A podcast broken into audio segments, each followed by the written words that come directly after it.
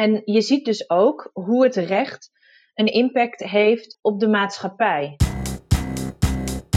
Dit is de Amsterdam Law Hub podcast en in deze drie afleveringen hoor je hoe universiteiten echt impact hebben op de wereld waarin we leven. Nou, mijn naam is Koos Tervoren en ik spreek in deze derde en laatste aflevering van deze serie met Linde Briek, directeur van de Amsterdam Law Clinics aan de faculteit der rechtsgeleerdheid. Dat is je huidige functie, maar in het verleden heb je ook gewerkt als advocaat, onder andere bij uh, Houthof. En je hebt ook in Kosovo gezeten als mensenrechtenofficier voor de European Rule of Law Mission. Nou, genoeg gedaan in het verleden, maar toch weer teruggekeerd naar het uh, academische, of in ieder geval de academische wereld. Uh, waarom trok je toch weer terug naar, naar de UvA?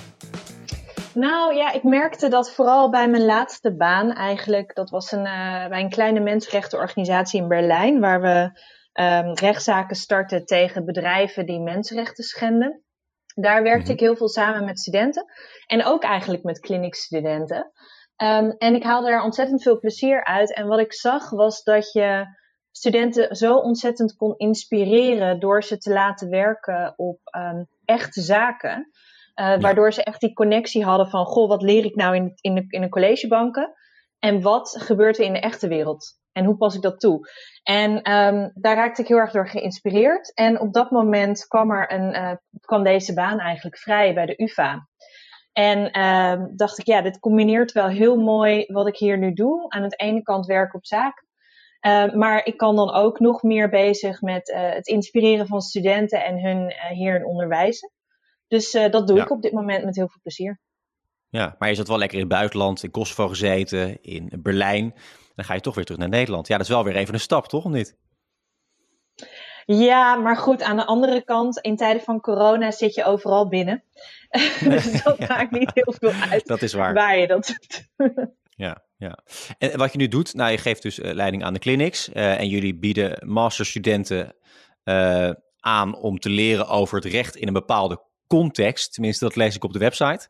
Ja, wat bedoelen jullie met die context?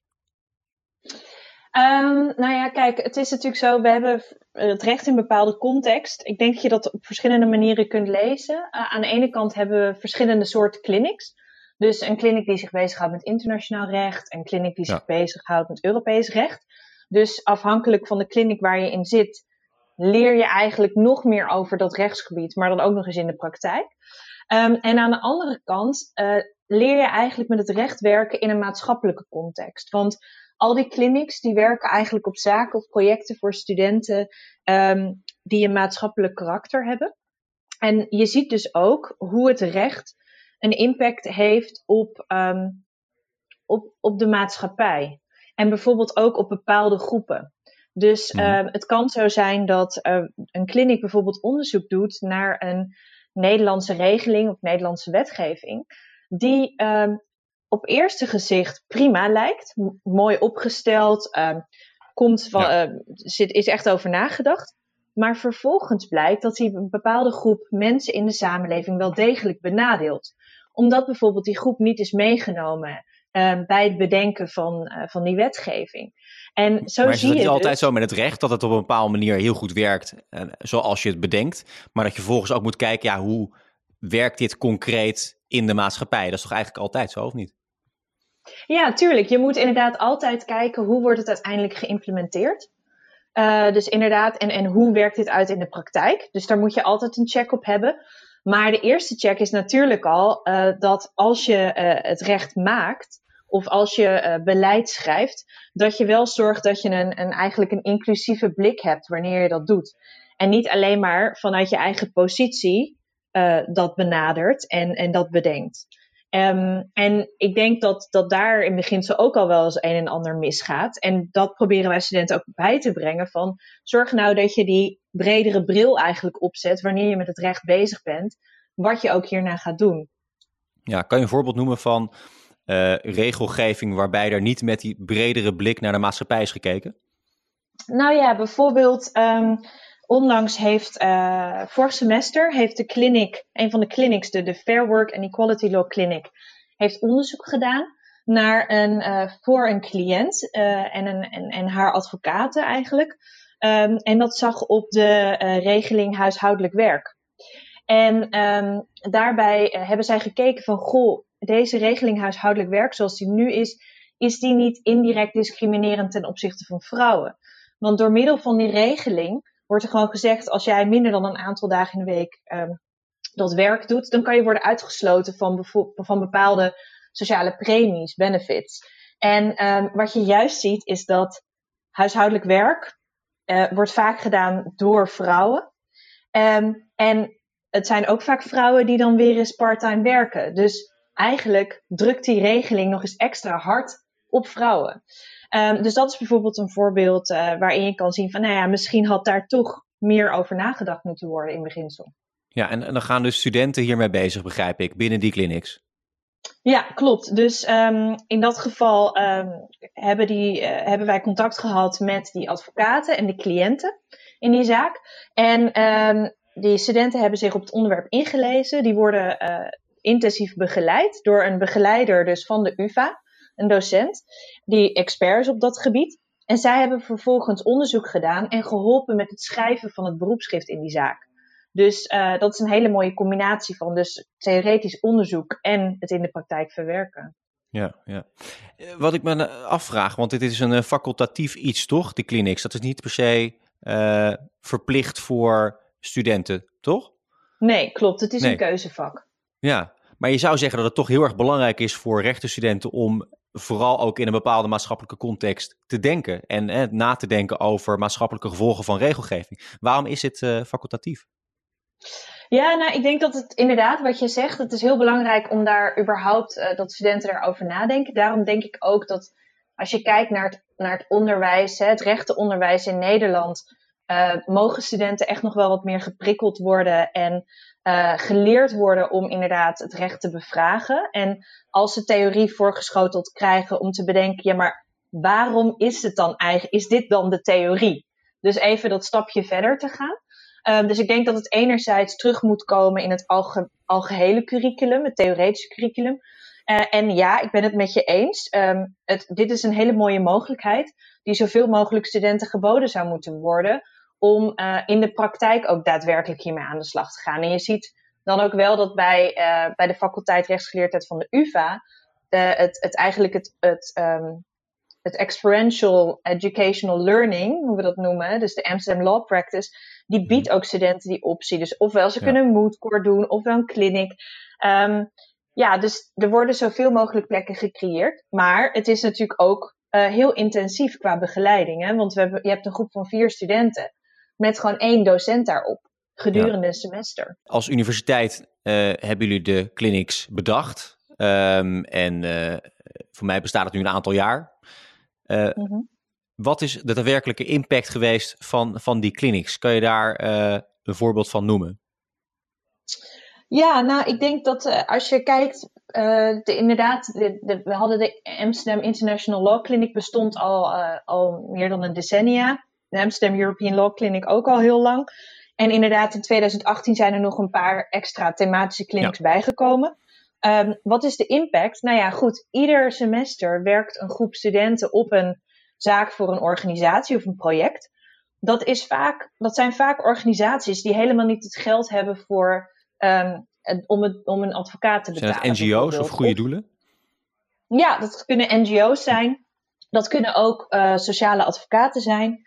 En uh, normaliter is dat geld er niet. Um, dus dan kan dat onderzoek niet worden gedaan. Dus eigenlijk wordt er, zou ik zeggen, ieder semester, zeker in een paar zaken of projecten, echt daadwerkelijk impact afgeleverd. Um, doordat, ja, doordat je die, uh, die onderzoeken beschikbaar stelt voor die, uh, voor die groepen of ze verder assisteert. Um, en als je bijvoorbeeld kijkt, de afgelopen drie semesters heeft de Business and Human Rights Clinic bijvoorbeeld werk verricht voor Greenpeace. Oké. Die hebben onderzoek gedaan naar um, ja, het zogenaamde SLAP suits, Strategic Litigation Against Public Participation. Dus dat zijn eigenlijk rechtszaken die worden gevoerd tegen activisten of journalisten. Mm -hmm om ze eigenlijk de mond te snoeren. Nou, we zien dat dat in Europa steeds meer opkomt. En die studenten hebben in verschillende jurisdicties in Europa, verschillende landen, eigenlijk onderzoek gedaan. Met als idee om het in kader te brengen, deze trend, en te kijken, is dat echt zo? Is dit echt problematisch? En vervolgens kan Greenpeace dat onderzoek weer gebruiken om te lobbyen op EU-niveau bijvoorbeeld voor regelgeving.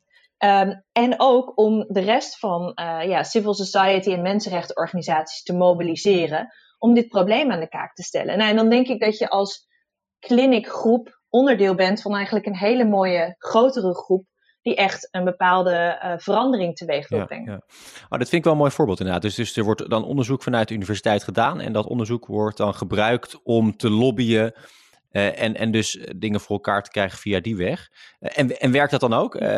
is dat dan ook doeltreffend? Nou, ik denk wel als je kijkt naar. Um, dus bijvoorbeeld Greenpeace heeft toen een, een evenement georganiseerd waarbij ze allemaal organisaties bijeen hebben gebracht om inderdaad dit, dit onderzoek te presenteren en om te laten zien wat er eigenlijk gaande is. Hè? Want het probleem is dat soms weten organisaties niet dat dit bestaat. Ze krijgen wel zo'n rechtszaak tegen zich, maar zijn heel bang en um, ja, stoppen direct met wat ze aan het doen zijn. Uh, hierdoor komt er wel eigenlijk een, een breder uh, raak, ja, een breder vlak, ja, hoe zeg je dat? Hmm, hierdoor uh, nou, hierdoor zien ze dat dit niet iets geks is en, en dat, het, dat het eigenlijk meer voortkomt en hoe ze zich hier tegen kunnen wapenen. En als je kijkt naar die bijeenkomst, bij die bijeenkomst waren ook mensen van de EU. En ook, uh, ook in dat opzicht beleidsmedewerkers. Dus dan zie je wel dat daar is een interesse. Um, dus ja, dan wordt het, wordt het wel, wel ingezet en gebruikt, komt het ook over. En op dit moment is inderdaad ook op het EU-niveau, wordt hierover gesproken. Um, ja, en dan, heeft, dan kan wel een Greenpeace zeggen: ja, luister, wij hebben via een universiteit gewoon ook onderzoek laten doen en dit is wat eruit komt. En dat is natuurlijk ook heel mooi als je dat kan bieden als organisatie. Ja. Want eh, deze serie gaat over uh, impact, uh, wetenschappelijk onderzoek en wat het voor impact kan hebben op de maatschappij. wat ik hier een beetje in doorhoor klinken is die agenda-functie. Hè? Dus dat je bepaalde dingen onderzoekt en dat je daarmee laat zien van hé, hey, dit is urgent, we moeten hier iets mee doen. Of we kunnen uh, we kunnen hier zelfs iets mee, mee, bereiken op politiek niveau. Is, is dat een belangrijke functie van onderzoek vaak, uh, de agenda zetten? Ja, maar wel, um, kijk, wel natuurlijk op een objectieve manier. In zoverre dat het onderzoek wat de studenten hebben gedaan, is, was een objectieve analyse, een objectief onderzoek. Ze hebben niet gekeken van, goh, wij willen zoveel mogelijk uh, zaken vinden in bijvoorbeeld Hongarije, waarin uh, journalisten de mond wordt gesnoerd. Nee, ze hebben dat met een objectieve uh, wetenschappelijke blik gedaan. En dat is denk ik ook wat het zo waardevol maakt. Um, om vervolgens inderdaad agenda's te kunnen zetten. Dus ik denk om dat, dat, dat onderzoek in, in, en wetenschap kan zeker gebruikt worden om agenda's te zetten. Maar belang is wel dat dat objectief onderzoek natuurlijk is de manier waarop jullie uh, studenten binnen de clinics klaarstomen voor de toekomst, is dat eigenlijk iets wat je, wat je steeds meer gaat zien binnen een universiteit? Dat het uh, steeds maatschappelijker wordt en meer binnen een bepaalde context, uh, zoals jullie dat opschrijven? Nou, ik, wat, wat je wel ziet in ieder geval bij de, de, Universiteit van Amsterdam en bij de rechtenfaculteit, is dat er heel veel belang wordt gehecht aan dat um, experiential education eigenlijk. Dus dat ervaringsonderwijs steeds belangrijker wordt. En, um, ja, en dan is het natuurlijk wel zo dat inderdaad de Universiteit van Amsterdam, de, de faculteit, vindt het heel belangrijk dat het een maatschappelijke component heeft. Uh, dus daarom ja, zitten we daar met de clinics ook bovenop. En daarom is er. Wordt het daardoor wel minder academisch? Dus minder alleen maar in de boeken duiken, lezen, schrijven, theoretische kaders verzinnen, dat soort dingen? Uh, ja, in dat opzicht, tuurlijk. Um, wordt het minder academisch, zou ik niet direct willen zeggen. Ik denk dat uh, je de combinatie houdt van enerzijds academisch onderzoek, ook door dus de docenten en onderzoekers bij de UvA zelf, wat vervolgens weer doorcijpelt in de kwaliteit van uh, het onderzoek wat de studenten afleveren in de clinics, die eigenlijk daar weer hun praktische vaardigheden op doen. Ja, ja. Um, en, en hoe zie je je eigen toekomst? Nu ben je directeur van, uh, van de clinics. Uh, ga je straks weer het veld in of blijf, je, blijf je lekker bij de, bij de UvA? nou ja, goed, ik ben net begonnen, dus er is nog ontzettend veel wat ik wil doen. Uh, ik, ik, wil heel graag een, uh, een social justice clinic opzetten samen met de Hogeschool van Amsterdam. Waarbij uh, rechtsstudenten samenwerken met um, hogeschoolstudenten maatschappelijk werk bijvoorbeeld. En echt zich concentreren op de regio Noord-Holland. En daarin kleine groepen eigenlijk bijstaan. In, in structurele juridische problemen waar ze tegenaan lopen. Ehm, dus laat ik dat eerst maar eens gaan doen en, uh, en de clinics verder uitbouwen. En Nee, heel dan goed. zien we wel weer verder. Nou, top. Hartstikke veel succes eh, ermee. Eh, klinkt als, eh, als een, eh, een organisatie met veel impact op de maatschappij. Ehm, en ik hoop dat dat ook daadwerkelijk eh, voor resultaat gaat zorgen. Dankjewel, Linde. Jij ook bedankt. Goed, dat was mijn gesprek met eh, Linde Briek. Eh, en ja, in deze serie van de Amsterdam Law Hub podcast eh, komen die hele mooie, impactvolle en innovatieve initiatieven voorbij. Maar toch vraag ik me elke keer weer af, hoeveel impact hebben ze nou eigenlijk? Nou, om daarachter te komen praat ik ook deze derde aflevering weer met Ronald Mooyer, business developer bij de HVA en bij de UvA. En ook verbonden aan IXA, dat is de Innovation Exchange Amsterdam. Linde Briek, ook verbonden aan eh, de UvA, directeur van de clinics aan de faculteit Rechtsgeleerdheid aan de UvA. Eh, daar heb je wel eens mee te maken, denk ik, of niet? Als het over innovatie gaat, dan, eh, dan Met, met, met, hoort zij er ook bij. Zeker, zeker. Ik denk dat dit dan ook een heel mooi voorbeeld is van wat je op, op een goede manier kan doen als je onderzoek, onderwijs en, laten we zeggen, impact wilt gaan combineren. Ja, ja, en dit is ook een beetje waar het begint, hè? Dus, dus bij de studenten. Is, is het heel belangrijk dat dit gebeurt? Ja, kijk, als je überhaupt kijkt naar eh, de impact die een universiteit heeft, hè, dan is de grootste vorm van impact die een universiteit heeft, is het feit dat ze goed opgeleide studenten afleveren.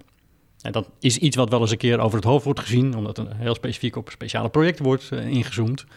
Maar dat is natuurlijk wel eh, ja, heel erg impactvol. Ja, En in dit geval is de impact, denk ik, tweeledig. Eh, aan de ene kant heeft, eh, hebben de clinics heel duidelijk impact op het onderwijs.